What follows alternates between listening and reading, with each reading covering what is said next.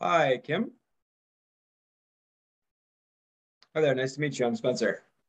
Hi, Spencer. How's it going? Doing very well. Yourself? Yep, all good.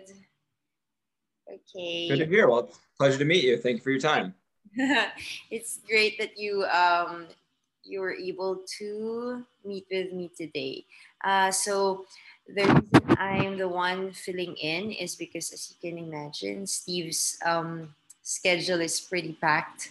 I think in the Sure. next couple of months, and so I usually do um, these meetings with um, on his behalf. So anyway, uh, I wanted to, you know, this will be just a short call. I wanted to talk about, you know, um, your experience. Um, uh, Steve was happy to find um, you uh, through Wyzant. Um, and so uh, let's start off by you talking about, um, you know, your LSAT journey. Uh, how long did you study for that? How was your, um, and what made you decide to actually teach it? And um, yeah, can you talk about more about that? Yeah. Sure. So, um, in brief, my LSAT journey was not too dissimilar to Steve's, where uh, I saw that he studied for like an entire year, essentially to get his 175. Mhm. Um, I specifically studied for about 7.5, eight months uh, to get my 174. Um, prior to that, as I believe you saw in the score report, I got a uh, 165 after about two and a half, three months, uh, 169 after three and a half, four months, uh, and a 171 after about six months. And specifically speaking, uh, the first half of that, I was just grinding away all by myself uh, studying. And I found that was useful to get the basics. However, I was missing certain gaps in my knowledge that I wanted to fill.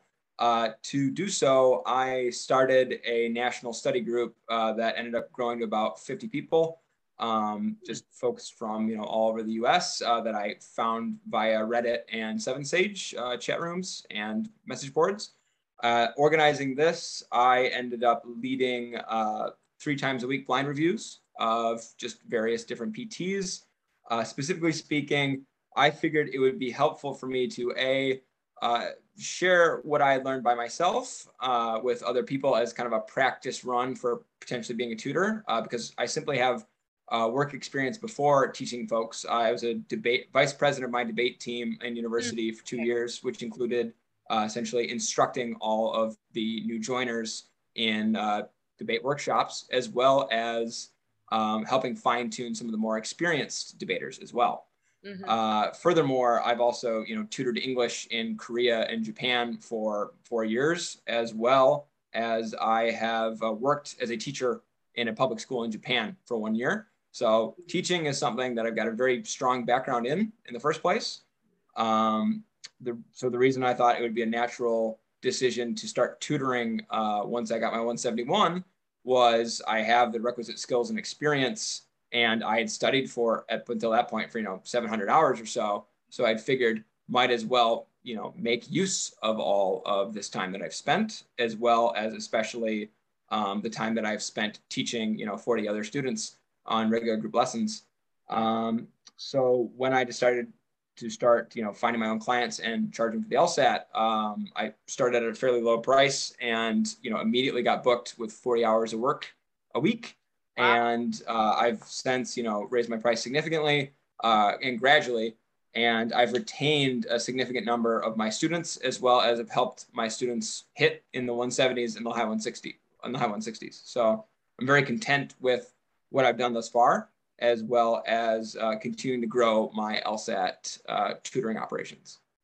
So now, when you're saying that, because you said that you're um, you're fully booked, like you, that's forty hours per week, right? Right now, when you're doing. So I have because this is the application season, I have specifically tapered this off. So the way I have done this is, um, well, number one, um, it started to decrease after uh, August because many of my students, Yeah. seeing as they were scoring in PTs in the high 170s, were quite confident that they'd get a high score and I would ask to resume lessons uh, if they did not.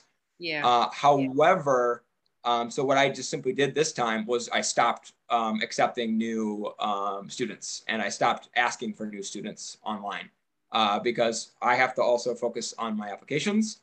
Um, I intend to submit early uh, and I'm hoping to have all my submissions done by October 31st. And after essentially October 30, 31st, I intend to um, expand my operations yet again, which hopefully could be done in the sense of you know working uh, with yourself and Steve with LSAT Unplugged. I see. Um, when you said because you mentioned a lot of these scores, were these diagnostic scores, or did you actually take the LSAT multiple times? So I think I have taken the LSAT four times. Four times. Um, yes. So my diagnostic, I don't believe diagnostic is very relevant, but my diagnostic was a 162, mm-hmm. um, and I've taken the LSAT four times uh, all sequentially. So that was January, February, April, and June, all of this year. Mm-hmm. And as I mentioned, so my 165, that was after about three months of studying. Uh, my 169 was after four months of studying. My 171 was after six months of studying. And my 174 was after around seven or eight. Okay. With your, um, those that you've tutored, um, most of the time what's the average number of months that they stay with you because i i noticed that you know um it really depends but most of hmm. the time what we see is that those who dedicate at least uh, three to four months of um, studying um, get to the their start their target score which is around 170 um, upwards, right? Um, in your mm-hmm. case, like uh, you've tutored a lot of students. Um, how long do they usually um, stay with you when, when they get you as a tutor? So it totally depends. So for example, um, of the like of the study group, for example, of the people yeah. that I tutored uh, there, um, one uh, a few of them uh, were done after the first take. So, for example, um, one of them got a 173 on their first take, um, and we started working together all the way back in in March, though. So it was about three months for her, for example. Yeah. Um, others, uh, it's gonna it's going to remain to be seen because uh, a lot of my students decided to take in August or October.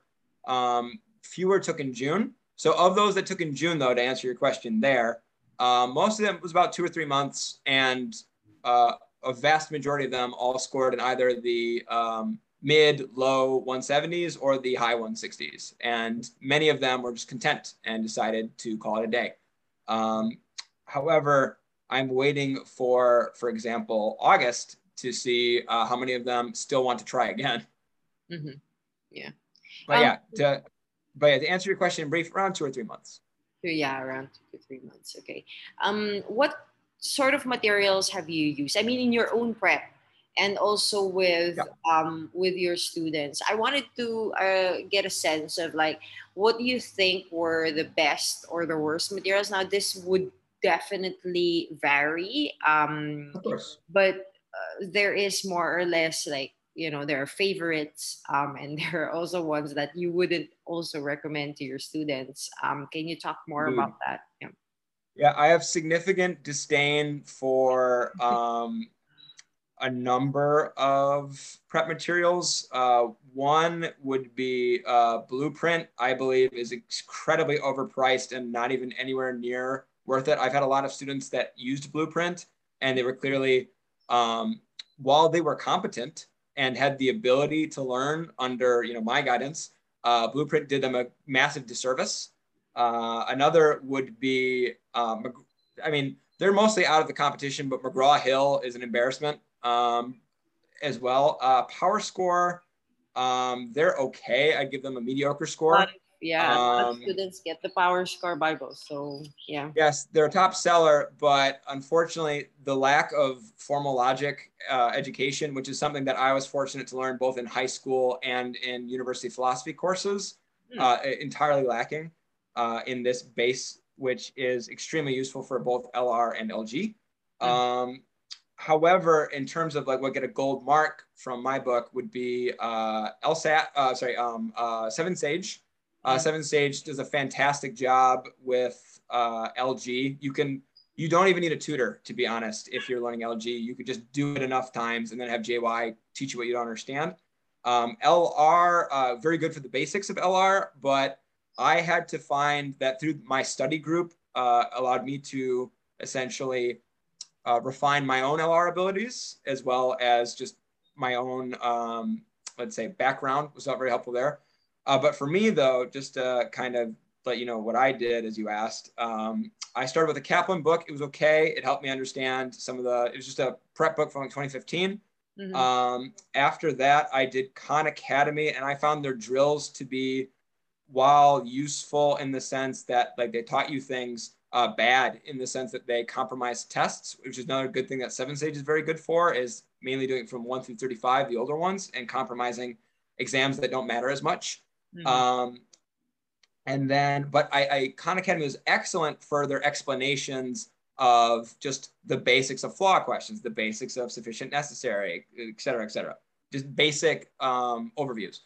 Um, but again, I, I, would give my gold star to Seven Sage. And I have heard, although I haven't used, very good things about LSAT Lab specifically for RC, uh, specifically because else, uh, sorry, Seven Sage is quite deficient for RC. Um, I had to develop my own RC abilities and kind of strategy through a combination of what my study group would kind of point out, as well as just from experience. Um, what's fortunate about that is I think RC is something that's very difficult for most to teach because it's poorly covered in a lot of materials.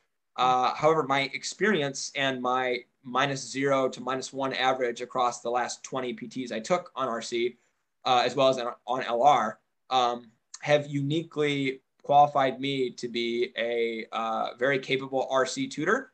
Um, mm-hmm. Um, that's one of the things that I pride myself in that I think is rarer on the market. It's very easy to find a good LG tutor, but they're superfluous because of Seven Sage, in my opinion.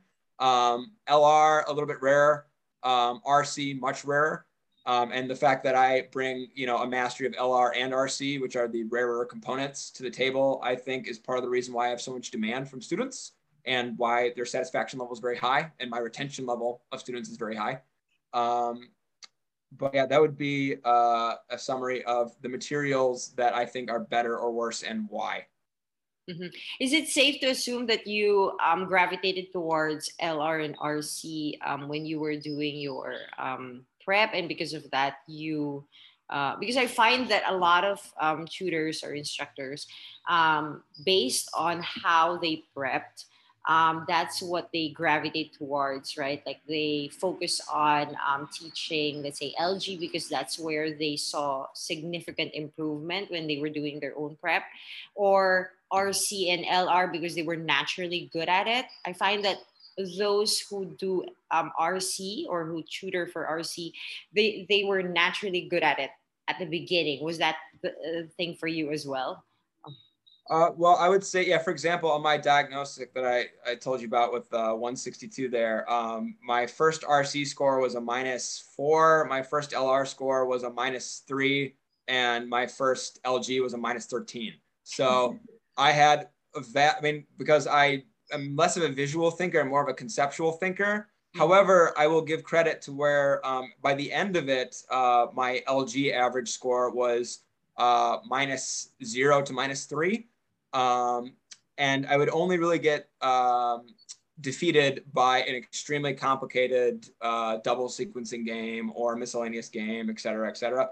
Uh, so I, definitely, um, I wouldn't say it was natural, but it's more like my I've already had significant training in what would consist of LR and RC because of my debate experience, because I was a political science and economics major and had to write very very dense um, essays uh, that basically made ex- even much more uh, much more dense reading materials mm-hmm. uh, more palatable. So um, yeah, I would say I, I was particularly um, predisposed to those things simply because I had years of experience in university as well as as a teacher and a, a private consultant um, in dealing with complex materials and digesting them for a audience, uh, either a reader or you know whomever I'm giving a report to or selling a service to, etc.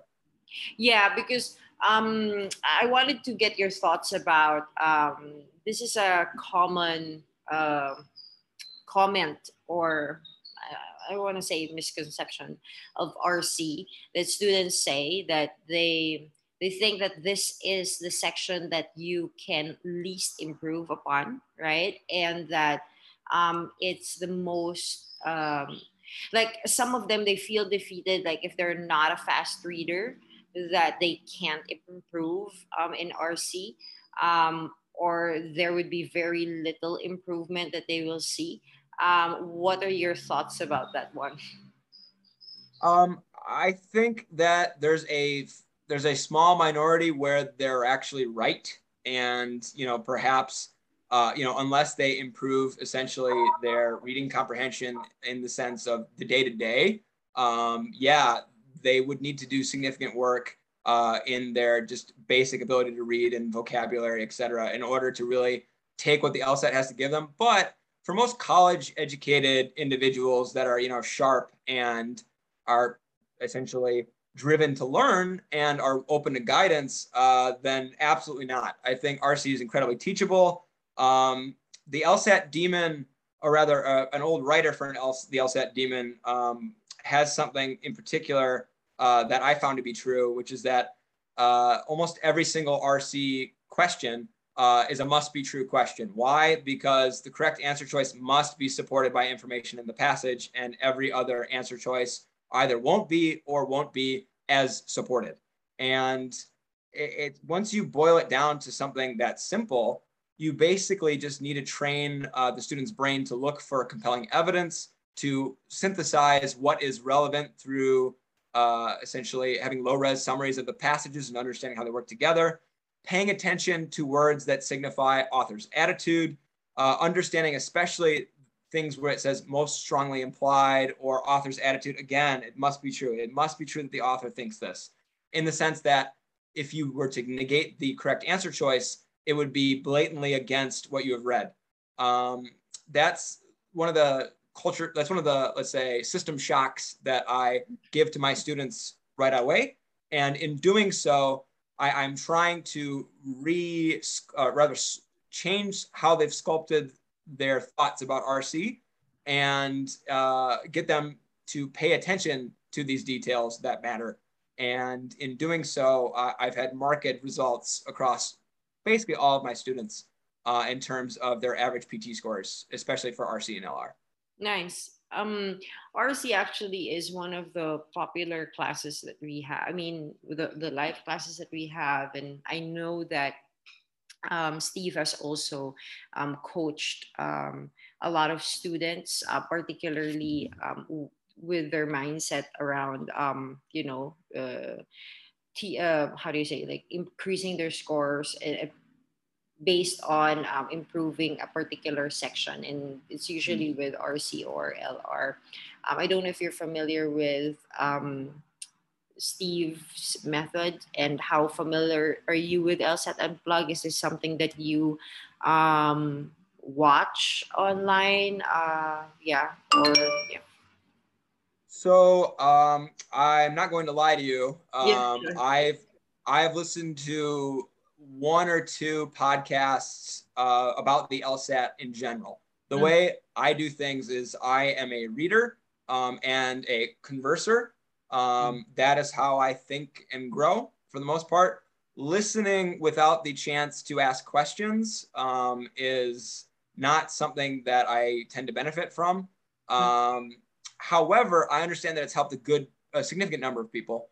Um, and of course, as normally uh, when it comes to my research prior to any kind of such interview, um, I typically, you know, delve right into it. However, given the short notice and the fact that this is the busiest season, you know, both for work yep. and interpersonally, I'm afraid I didn't really have much of a chance to get to know uh, Steve's method. Uh, in fact, when I reached out for him, it was not with the intention of, you know, this kind of conversation. Yep. Um, however, I'm more than glad to have it. And the idea of working together uh, is very intriguing. So uh, I would love to know what would be uh, what you describe as you know the cornerstone of Steve's method, um, from at least how you understand it and how you've used it so far. Yeah, um, and I'm glad that you took the time to actually meet with us. Um, right now, because as you know, with with Steve, um, he's been with. Uh, I mean, he's been in the LSAT um, world for more than a decade. Um, right. And he's coached a lot of students, thousands of students already. Um, he's seen already what has worked and what has what hasn't, right? Um, right.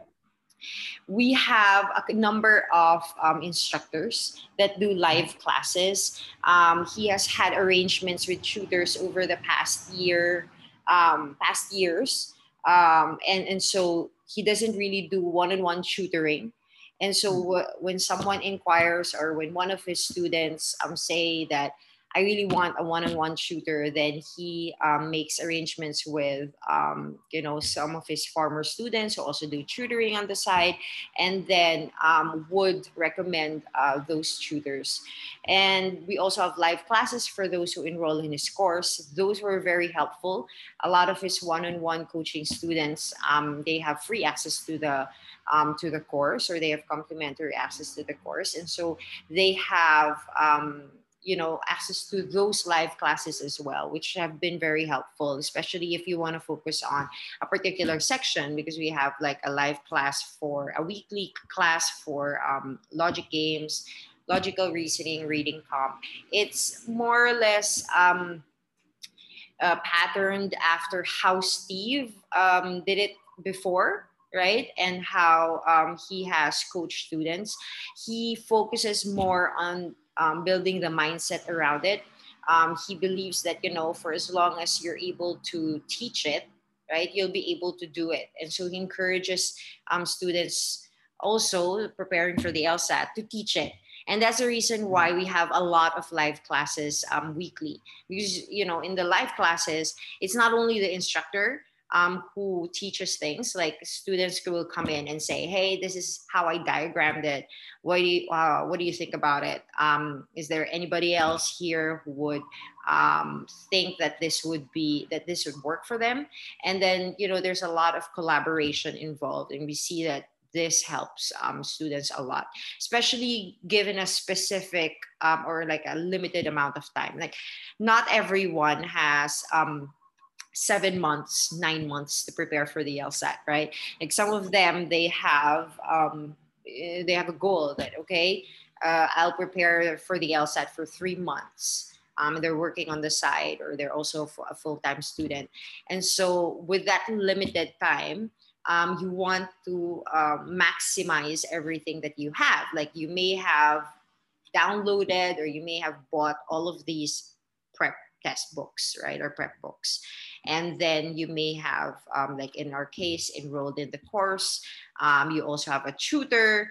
Um, what Steve really does is if you have a one-on-one coaching um, with him, is that he, you know, you dive, uh, you sorry, you take a step back, see everything that you have, and create a strategy for it because you can as you know um, you can have all these materials um, available right?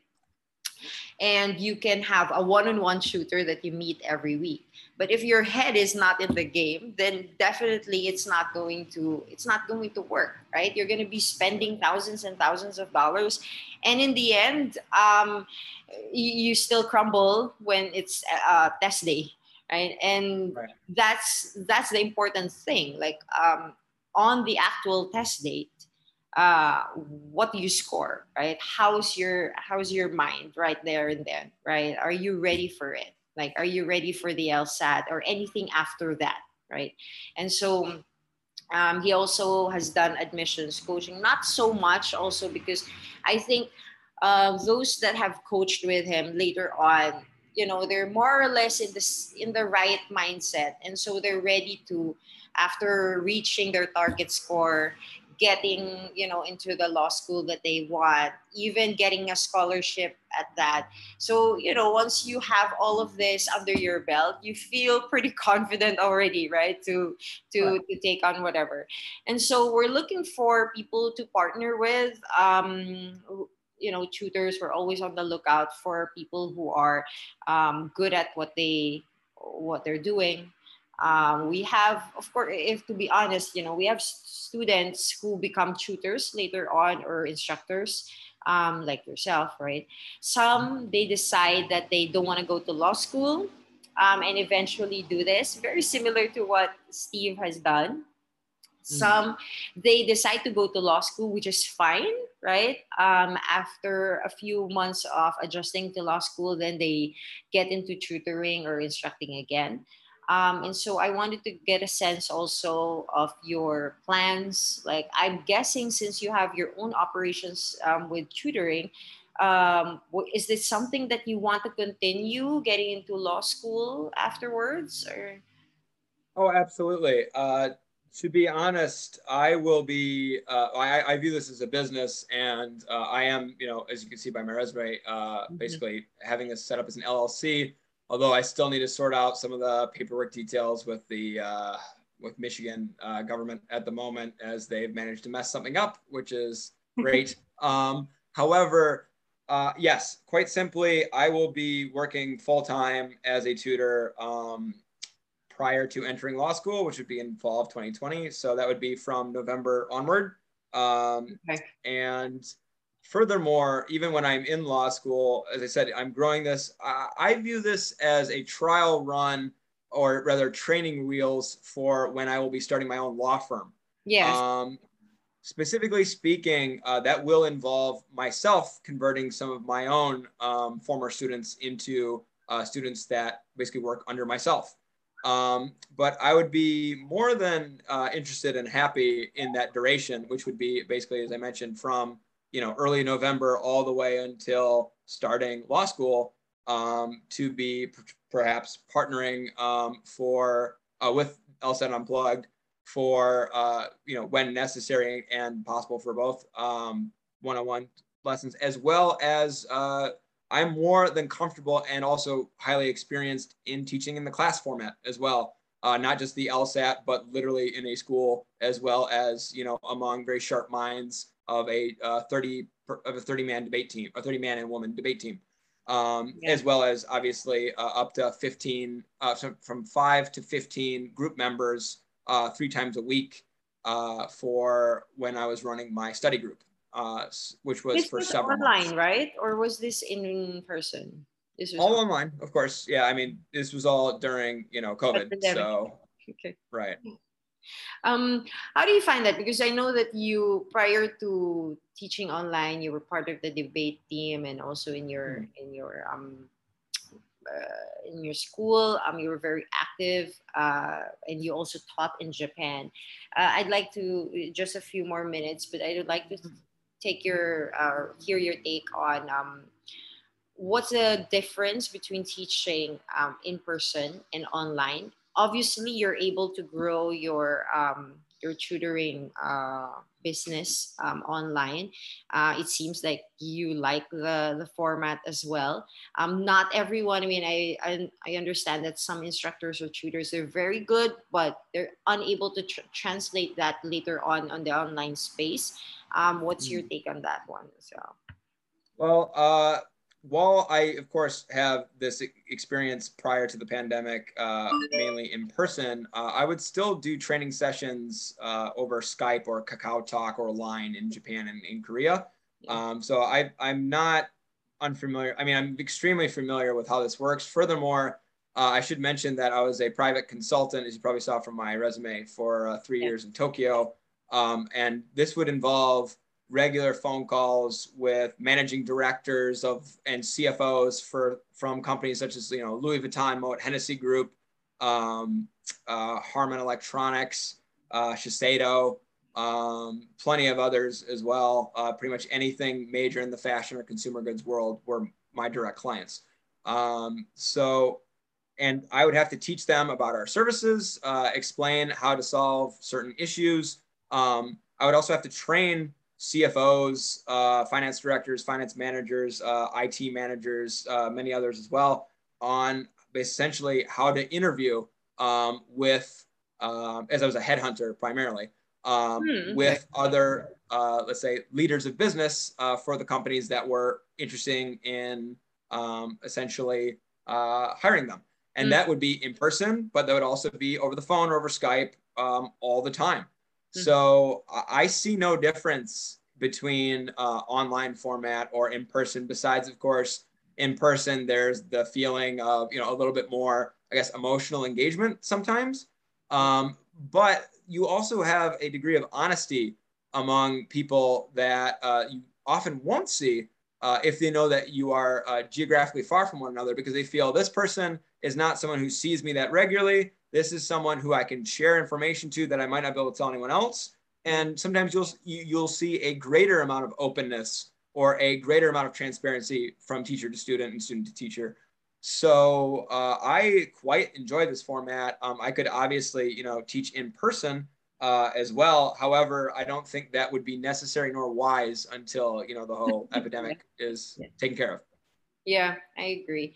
Okay, I think that's about it from my end. Um, as you know, this is recorded, so Steve watches more or less everything.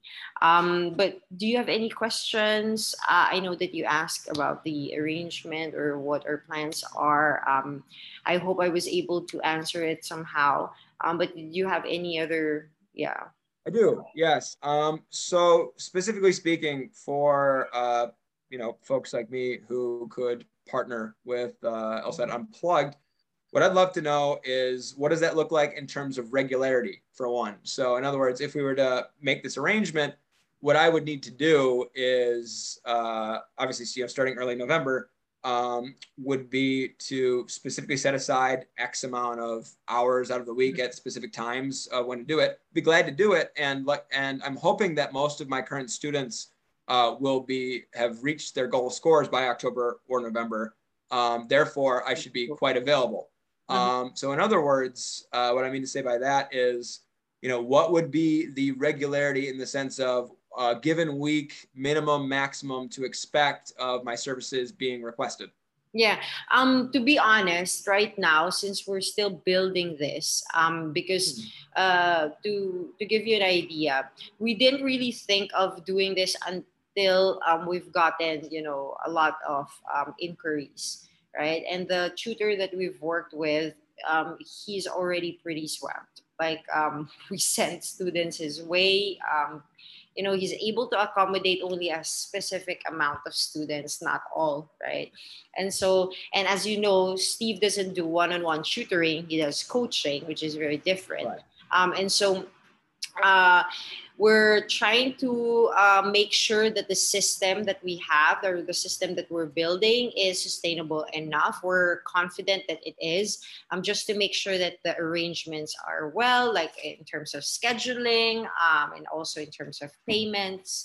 Um, these are this will be done by lsat unplug on you know on your behalf and that's that's the part of it um, however when it comes to like the the regularity I guess what we're doing right now, and we will be adopting more or less the same system at the beginning, is that it's very similar to our arrangement with the other tutor. Like, when are you available, right? You, you tell us, okay, I'm available these days only, like only on Wednesdays and Fridays evenings.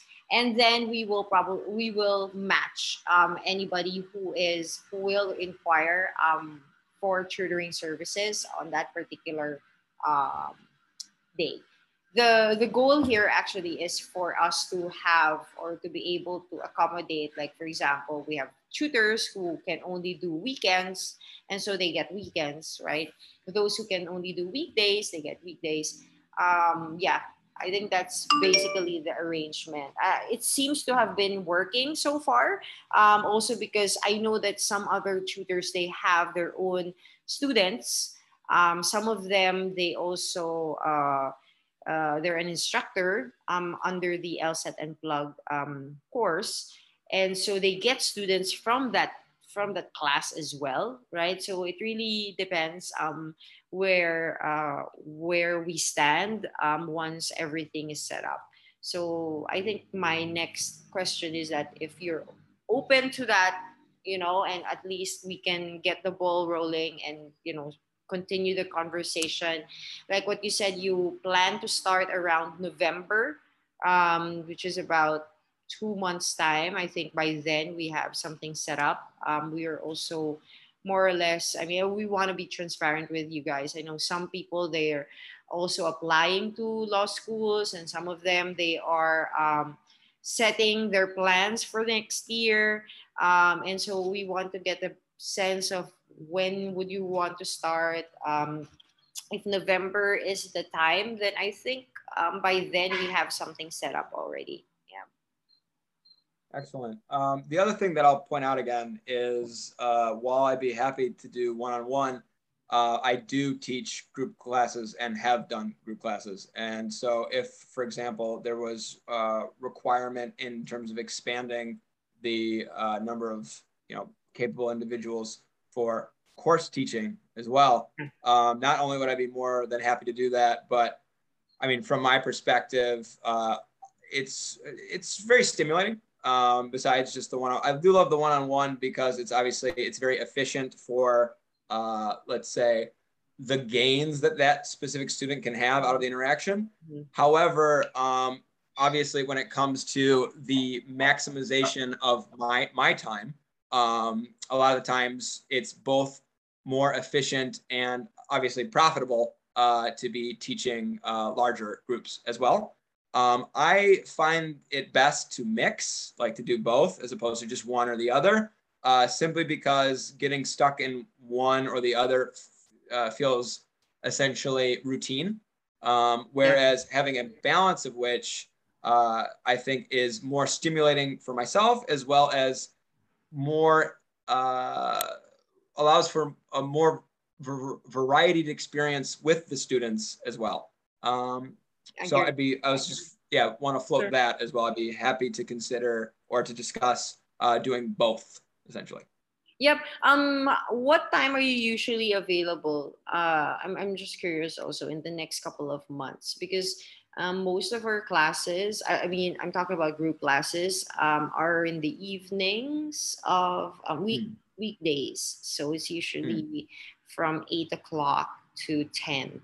We find that a lot of students um, like that time. I think also because if you work full time or if you're studying, um, that's the time block that you set for yourself to study for the LSAT. Um, sure. But yeah, are you are you good with that or are you also would you like like afternoons. Uh, we also have inquiries actually for afternoon classes and weekend classes but um, the most popular ones are the ones in the evenings. So to answer your I, have got a two part answer your question. Mm-hmm. um, the first part is you know if you're asking based on my availability right now as in, in advance of november 1st um, i would say Tuesdays and Thursdays, what you've described in terms of the eight to 10 um, could be possible. Um, and for the afternoons, uh, there's a fair amount of days like Monday and uh, Mondays, potentially Wednesdays as well, could be possible. Um, however, you know, when it comes to November, I could rearrange my schedule entirely so that like every most times are possible because this is my full-time job. Um, so yeah, in short, as I mentioned, you know, until November 1st, Tuesday, Thursdays, eight to 10 could be possible. Um, and as I said, Mondays, Wednesdays, uh, the afternoons could be possible. Actually, technically Friday as well could be possible. Mm-hmm. But I would just have to see, of course, how it balances with and how I could rearrange my current student load. Yeah. Um, but you know, I'd be more than happy to take a look at that. Of course, obviously, that would be uh, probably during the next conversation. Yeah. Um, but again, what I really want to emphasize is that from November, as long as it looks like this is, you know, a uh, suitable arrangement, um, from November, I could uh, hit, you know, I could work 30 hours a week even potentially um, yeah. through this. Yeah. Because right now you're, um, if I understood it correctly, right? You're 40 hours per week already at, at this moment. So it was 40 hours or so um, back until mid August. And then I deliberately stopped recruiting uh, students so that I could focus on my applications. Yeah. Um, so right now it's probably around 25 hours a week. Okay. I probably dropped it 15. And I will um, state uh, now uh, that until the beginning of November, I do not intend to work, you know, 40 hours. I intend Yeah. to work somewhere around. So right now it's probably around 20, 25 a week. I could probably work up to 30 a week max or so, but I need, you know, the time and energy to be writing these things, especially on Yeah. the weekends. Um, but again, uh, I'm, I enjoy solving, you know, problems, including scheduling. So if I were to know, um, you know, if, if I were to get a realistic understanding of when they're available, um, even more specifically, I would be able to see what I could play around with, Yeah. um, including, you know, within the next two months. Yeah, yeah. Um, we'll probably get back to you on that one. I'll, I'll also take a look. But yes, um, what you were saying about RC, um, especially, we're always looking for um, instructors to teach RC classes. Um, as you can imagine, it's not something like everybody wants to teach logic games. Um, and so it, it's it's a good thing. Um, this is something that uh, Steve would definitely want to talk about um, in our next. I will clarify one thing very quickly. So I did, I do, I am very good at RC. However, my favorite subject by far is LR. Um, it's the one I'm the most passionate about. I have the most experience in, and I can typically, uh, unless it's a crazy problem, solve it extremely quickly. Um, and the best part about it is that I've got the most experience in terms of LR of explaining why every single answer that's not the correct answer is wrong, how to pre-phrase the correct answer from just the stimulus itself. Um, and I think my strategies for LR are the uh, easiest to teach quickly. Uh, whereas with RC, um, it obviously takes a little bit longer because the material itself is more difficult for most students. Yeah. So while I would be happy to teach RC, um, and I, you know, would have no problem with that at all. I would prefer to teach more LR than RC simply because of my not only mastery of it, but my just how much I enjoy it. Yeah. Um, most of the um, instructors that we've had for RC or LR, they teach um, any vice versa. Like they Yes. substitute for one or the other. Um, we find that those also who have been successful or they've found a good method for LR, um, they're able to translate that to RC eventually. So that's something that, yeah. Cool. Okay. Um, I don't want to take much of your time. I think this is already a pretty long um, conversation. I appreciate you um, joining me today. Thanks, Spence, and uh, we'll definitely um, keep in touch.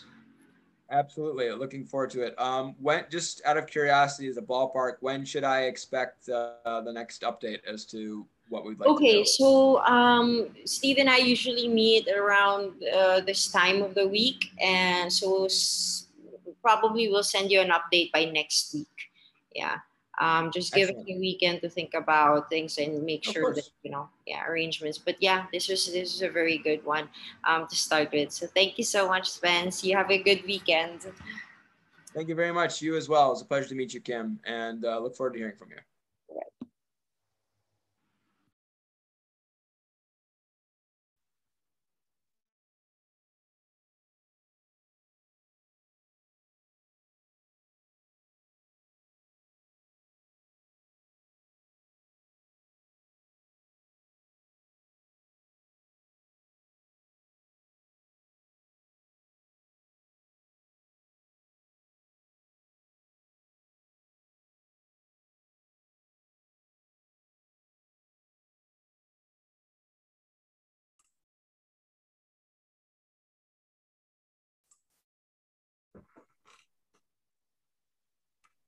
Hello?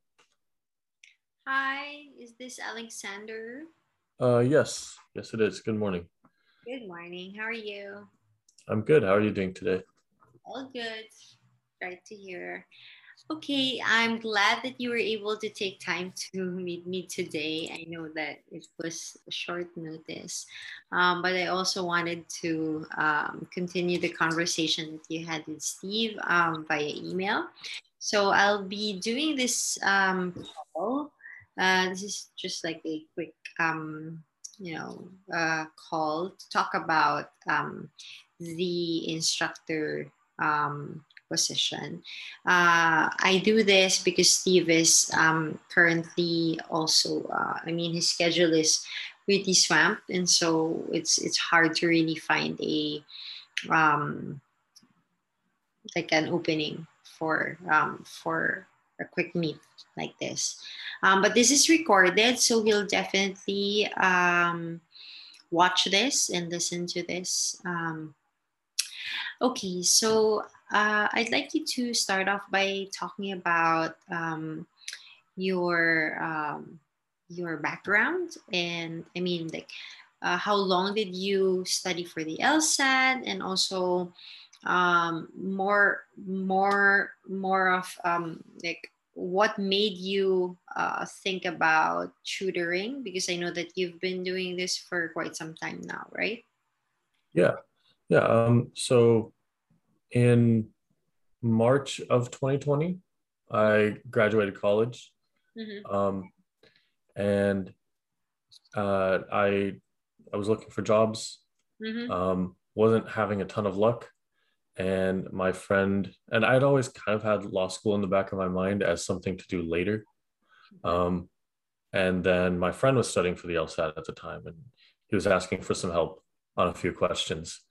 And I noticed, hey, this is a lot like some of the philosophy classes I took. I took a couple formal logic classes. Mm-hmm. And so I was able to solve them pretty easily um, without having really studied it all, having been exposed to it all. And so I said, well, hey, maybe this law school thing isn't so far out of reach like I thought it was. Mm-hmm. Um, and so that was kind of empowering. And I, you know, grabbed one of the uh, official LSAT books mm-hmm. and started doing it. And I found it quite enjoyable. And so, and that was around maybe May of last year, May, June. Um, and so I studied for about five months, took the November LSAT, and did pretty well. I got a 173. Um, I basically only studied based off of the books and based off of exams on Law Hub. I don't, I was being a little bit stubborn and thought I had all the answers, which served me pretty decently well. Um, but I didn't I didn't really use any outside materials or sources. I just kind of decided to learn the exam on my own terms. Um, and that sort of continues in how I teach. I don't teach based on somebody else's method. I've developed my own that work for me, and they're not the right ones necessarily, but uh, that's what I teach to my students. Um, so they get something that they can't get anywhere else, which is something that I kind of pride myself on.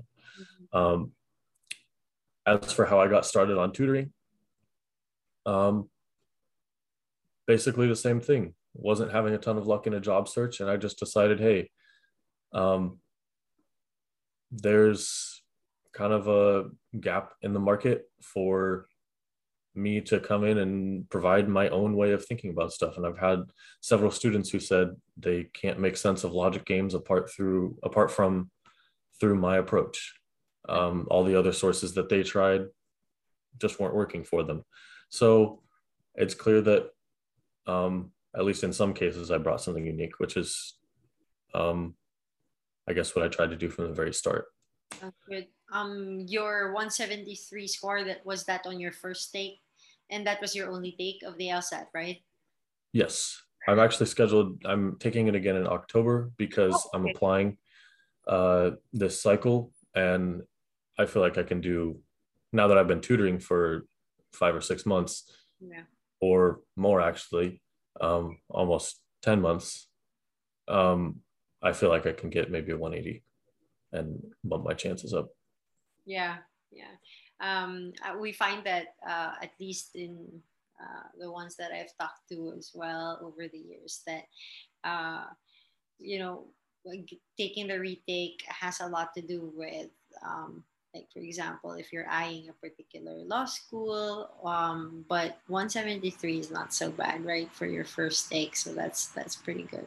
Um, you talked about logic games. Is this something that you uh, specifically um, fo- i mean was it something that you focus on? And we find that um, for some instructors or tutors they like to or they gravitate towards a particular section.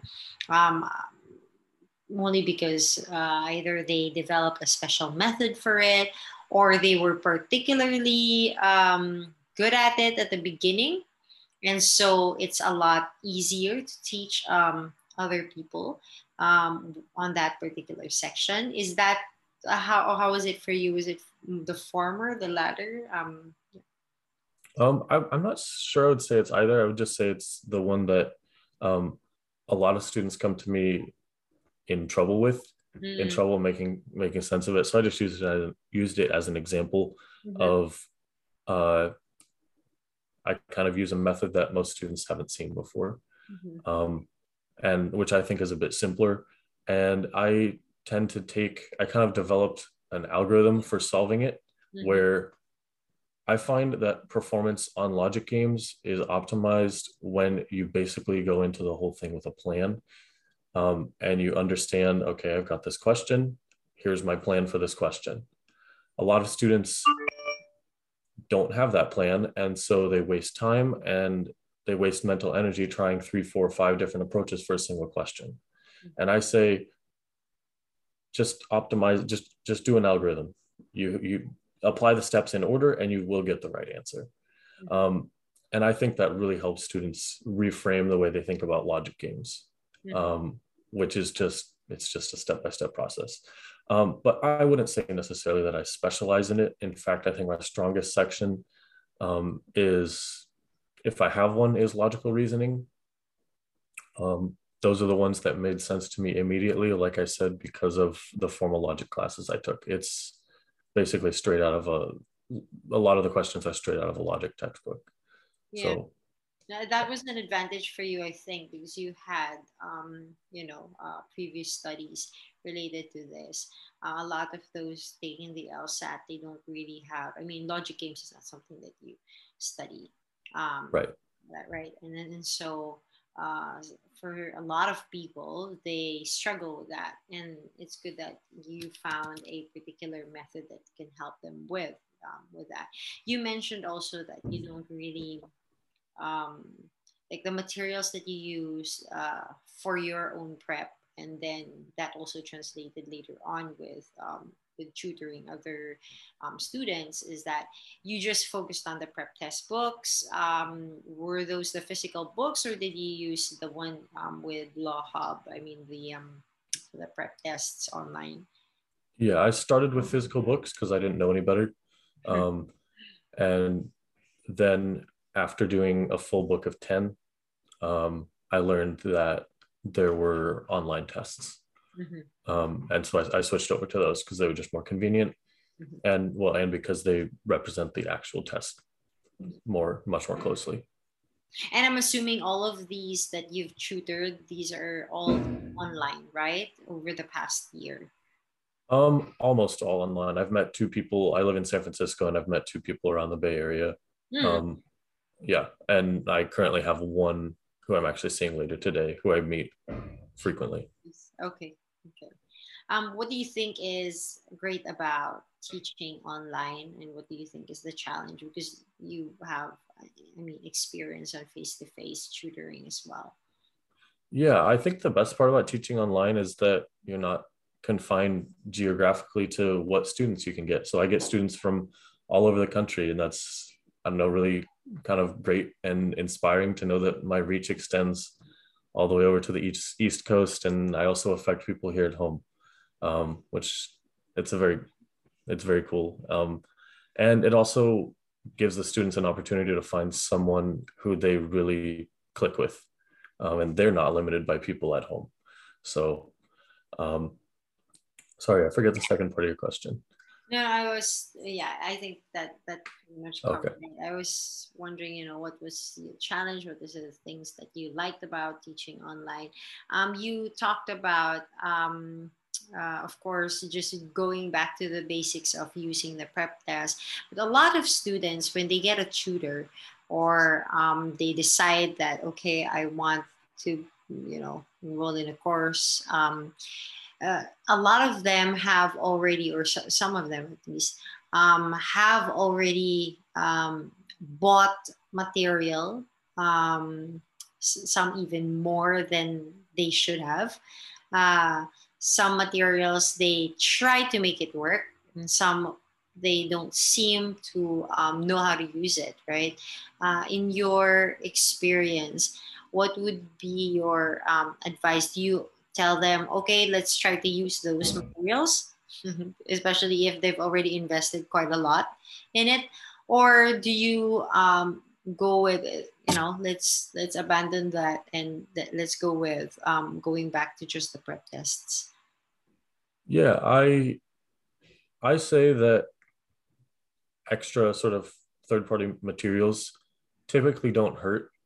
Um, but I always want to make it clear that both those books or online classes or whatever and myself are should not make up more than say i don't know 20% of the effort they spend or the time they spend with the lsat yeah. so i think typically the problem comes in my experience when a person reads the book and expects it to be like a textbook where they read the book they read the biology textbook and then they go in and perform pretty well in the exam because they read it and looked at the pictures and they understand it.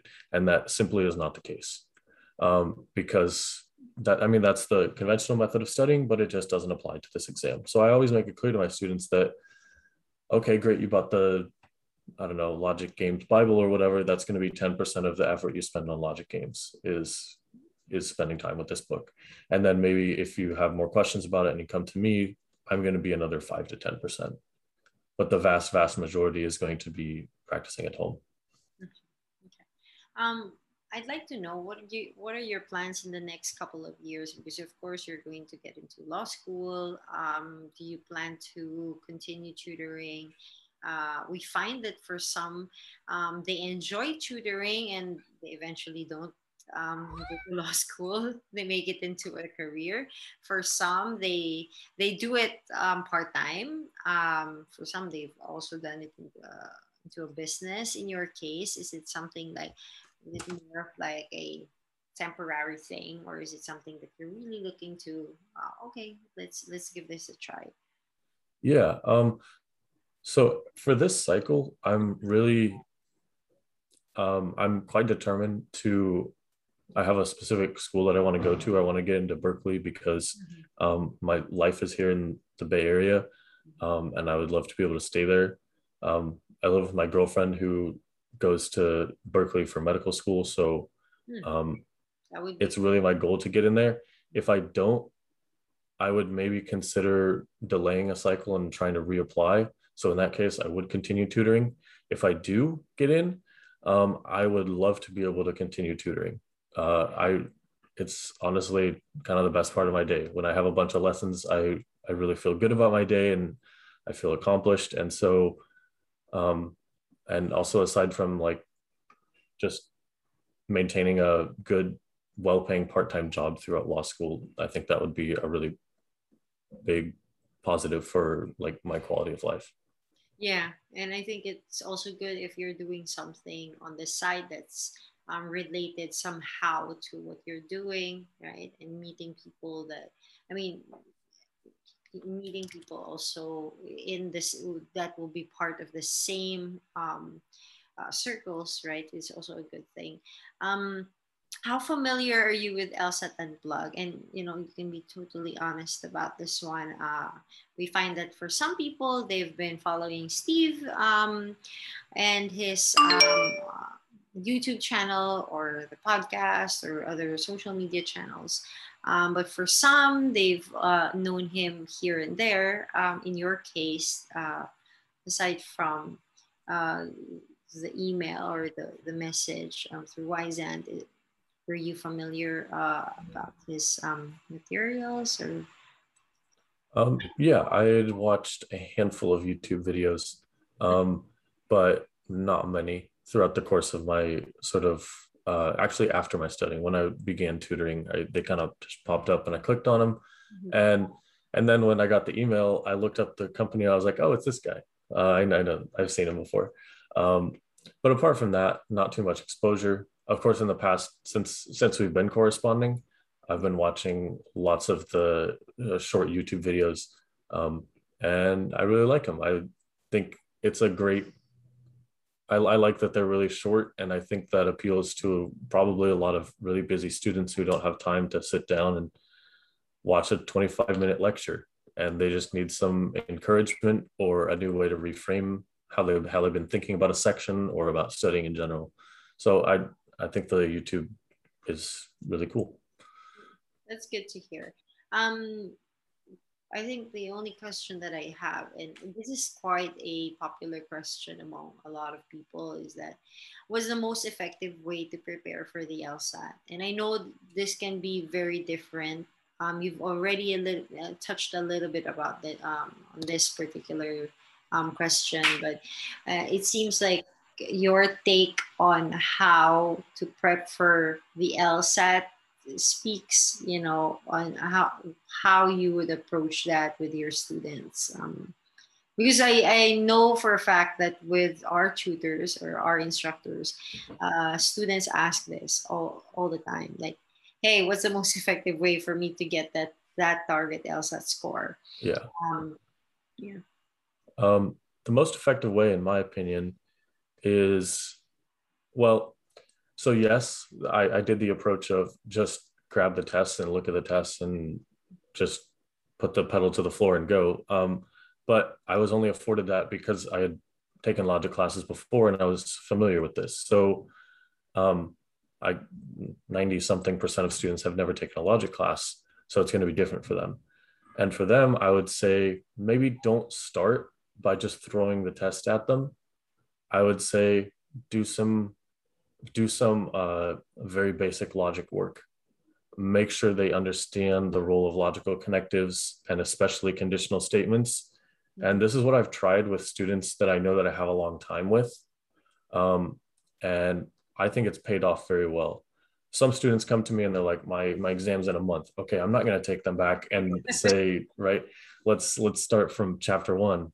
Yeah. Um, but students that I have a long time with, say that, oh, this is a brand new way to read things, right? And it's totally reworking the way the, the way they read. And I think if you want to do it right, that's the way to do it, is to make sure they understand the foundational principles of logic. Mm-hmm. Um, and I saw I saw Steve mention that in one of the YouTube videos that um, about LR question types that yeah, it's all well and good memorizing certain things about each question type, but it's really about the stimulus type too. Mm-hmm. It's about the method of argumentation that they use. And you can't memorize that. So you have to what's what's the alternative is to become familiar with logical principles that underlie all language. Yeah. And if you can do that, at least at a sort of functioning level, um, that puts you in a much better place than just starting from what is applied logic, which is the test. Yeah. Learn the logic and then apply it is basically what I think is the most effective way. Yeah, I think um, a good foundation is really important, especially in this type of test, um, because it's not like any other exam, right? Like what you're saying. Um, for other exams, you have a certain um, uh, bulk of information that you have to process and you have to remember but this one it's more of like you have to be able to rewire the way you think um, and to um, be ready for what's going to be asked in the LSAT. And I think a lot has to do with being aware of what is the LSAT in, in particular, right? And so, yeah. Okay, great. Do you have any questions for me? Um, you know, I know that this is more of like a chat as well for you to ask questions about LSAT Unplugged and yeah. yeah, I have a handful of questions. Um, sure. Basically, sort of what does the day-to-day look like for this role? Okay, um, so we're always looking for instructors and tutors. Um, to be honest, with the instructors, we have a roster. Okay, um, they usually teach one class, one to two classes per week. Um, it's a group class setting. Okay, um, but we also have tutors. Um, as you know, Steve coaches. He doesn't tutor. And he also coach i mean there's a handful of students that he works with um, one-on-one. Um, he can't accept everybody right? But we get a lot of inquiries when it comes to tutoring.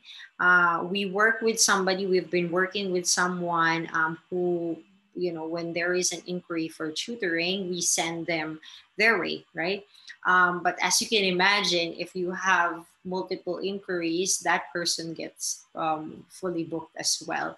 And so we were looking for other people who would, you know, more or less tutor under the LSAT Unplug umbrella. Um, so it really depends on the number of students that inquire at the time. Okay. Um, as you can imagine, like for example, with the course, because Steve also has a course, uh, last cycle was very, very competitive. So there were a lot of people um, that came, and there were also a lot that um, that also left, and then it, it continuously around. It, it usually picks up towards um, you know when the LSAT is nearing, right? I think a lot like what you were mentioning. Some people they think that they can study for the LSAT for one month, and it's good if they're able to do that. Um, but in reality, they actually need at least three months to study for it, right? And so they stay. Um, and then as soon as they take the LSAT, if they're good with their score, then you know they go their way. If not, then they they prep for a retake. Um, but that's how it is. And so we are cons- consistently looking for tutors and instructors. Um, depends on how many the students are. If um, uh, if there is a particular student who wants to work on um, like 10 hours in a month, um, that's also possible. And so we usually match them with a tutor um, we find that it's good that they stick with one tutor first, especially if they like the um, teaching style, right? If it's a match for them. Um, we, like with Steve, we always look for tutors with different learning styles because you can't really have somebody like it's, I, I mean, you've, if you've seen the videos of Steve, um, he, he, um, he says that, you know, you, you you can't force a certain method on someone. Um, you have to make sure that um, it's a fit, right? Like, for example, what works for me may not work for you. But the important thing about working with a student is finding their best, you know, learning style. And so, yeah, we continuously look for tutors like you um, who have different, you know, learning styles from the others that we're working with. Yep. I hope I answered your question. Yeah, got it. Um, uh, another question is, excuse me, um, I will, will I be able to continue doing my own business? There's no like non-compete clause in this, okay. uh, in this role. Mm-hmm. So, of course, with we understand that you've already booked um, some people um, under your your own business, right? And of course, we totally respect that. The, in the same way as we respect that, we also respect that once you start getting, um, like for example, students under the LSAT Unplug umbrella, like for example, people who um, inquire and we um, we handle the management, the scheduling from our end, that you will keep them under the LSAT Unplug umbrella right? So yeah, I there's more respect there. But yes, definitely. Uh, the tutors that we've worked with, um, of course, they have students on their own, people that they have, you know, um, by word of mouth. Like for example, their friends of friends, and they say, "Hey, want to work with Alex?" Right? Um, I, I worked with him, and then eh, they got or you got them through a different um, channel. That's totally fine. Yep. Got it. Um, and then, okay, yeah. Is there a, you mentioned different learning styles, mm-hmm. but is there, are there specific things that you like all LSAT unplugged tutors mm-hmm. to teach? Like you, you must teach it this way or, um, I'm just just wondering. I'm not like against that or anything. Yeah, yeah, um, and it's a good question.